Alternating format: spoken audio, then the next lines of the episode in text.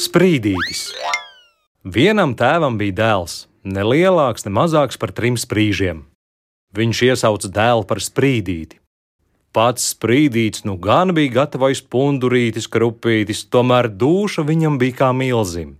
Viņš pats teica: Ja man tādam mērenam vīrelim duša neturēsies, kur tad aiztikšu? Reiz sprīdīts apņems pasauli apskatīties. Viņš ņem kājas par pleciem un iet un iet, kamēr nonāk lielā, lielā mežā. Sprīdītis domā. Tā, tā te brangi, nolikšos plakaniski atdusēties, atpūsties. Kā domājis, tā darīja.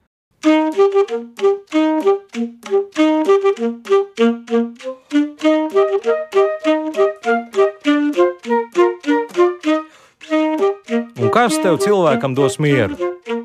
Tā apgabala kungs pašu laiku mežā medīja un, kā tāds miglā šāvējs, gandrīz ar savu šaudīšanu nomin sprīdītim papēžus.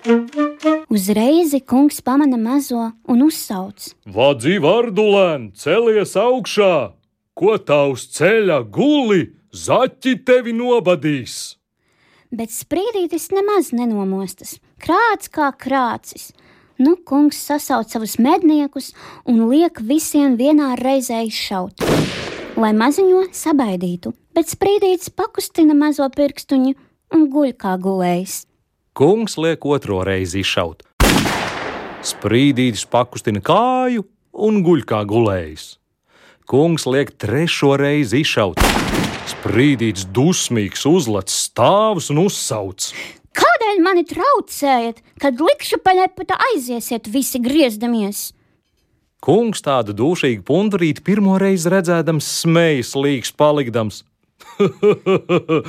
tu mazo knēvelīti, saki man, kuram sisenim tad īsti spēj dūri rādīt?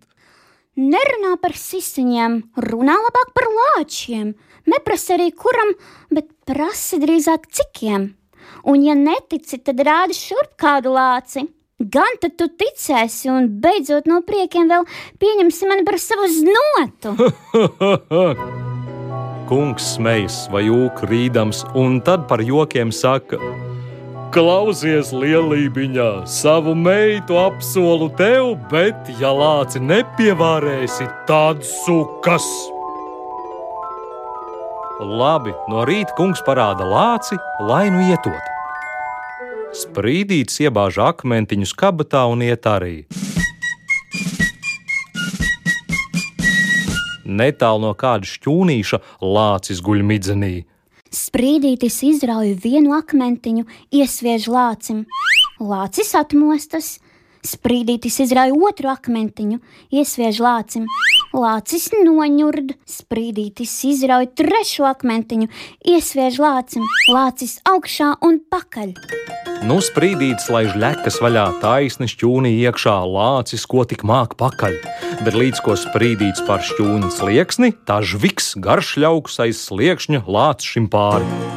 Kā lācis sprīdītim pāri, tā sprīdītis žviks augšā un aizcēr durvis. Te nu gan! Lācis cietumā un sprīdītim kunga meita rokā. Kungs rausta plecus un prasa: Hmm, kā tu varēji lāci pievārēt? nu kā, nu kā varēja? Kas tur, ko runāt? Nē, es situ nekāvu, paņēmu lāci aiz ausīm un iesviedu šķūnītī. Eita nu visi viņu laist ārā, ja jūs ar visiem kaut cik dušas. Kungs izbrīnās gan, tomēr meitas nedod, lai sprīdīts tur mežā nokaujot 12 laupītājus, tā tik dabūšot. Sprīdītis paņem akmentiņus, aiziet uz mežu, uzkāpj kokā un gaida. Pusnaktī laupītāji pārnāk, ēd, dzer, terzē. Uzreiz laupītāja virsnieks saka vienam, lai paieskājot viņam galvu. Ieskāja, ieskāja, te piepaši sprīdītis iesviež virsniekam ar akmentiņu pa galvu. Šis bļauj, lai neskājot tik dikti. Nu, ieskāja, ieskāja, bet sprīdītis atkal iesviež. Šīs paliek nikns un bļauj. Ja vēl tā kausi, tad sargies! Nu, ieskā, ieskā, sprīdīts vēl diktāk iesviež. Tad virsnieks paķer ieskātāju un vēlē un vēlē. Ieskātājs labi zinādams, ka nevainīgs, citus sauc palīgā. Saskrien citi palīgā un noiet lirum lirum, nu kaujās kā čīkst vien, kamēr cits pa citu asiņaini nokusuši, bez sajēgas atkrīt augšpēdus. Sprīdīts to redzēdams nokāpj no koka un sasien viņus. Tad noņem laupītājiem zobenus un aiznes kungam.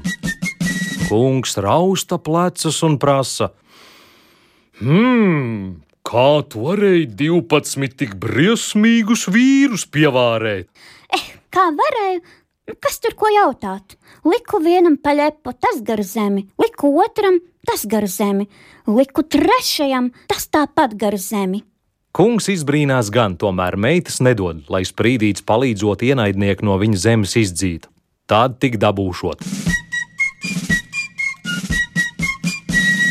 Sprīdītis ir ar mieru, lai dodot viņam baltu zirgu, baltas drēbes, tad viens pats ienaidnieku aizdzīšot. Labi.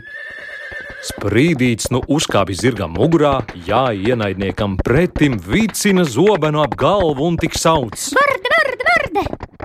Ienaidnieki sadzirdējuši tādu ērmīgu valodu un ieraudzījuši tādu baltu mazu vīriņu zobenu vicinādami domā: Tas cits nav kā eņģelītis no debesīm nonācis. Tie bēg un aizbēg. Tagad kungs vairs nelauž vārdu. Viņš atdod savu meitu sprīdītim par sievu.